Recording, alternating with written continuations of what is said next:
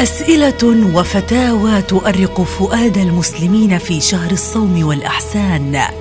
أجاب عنها أهل العلم والشريعة لتدخل على فؤادهم اليقين والاطمئنان.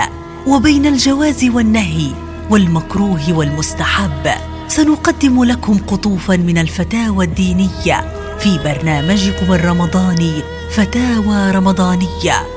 مع فضيلة الشيخ ياسين أبو خصوان هل قطرة الأذن والأنف تبطل الصيام؟ أجاب على هذا السؤال فضيلة الشيخ لاي الشربجي بالاتي الحمد لله والصلاة والسلام على رسول الله وبعد.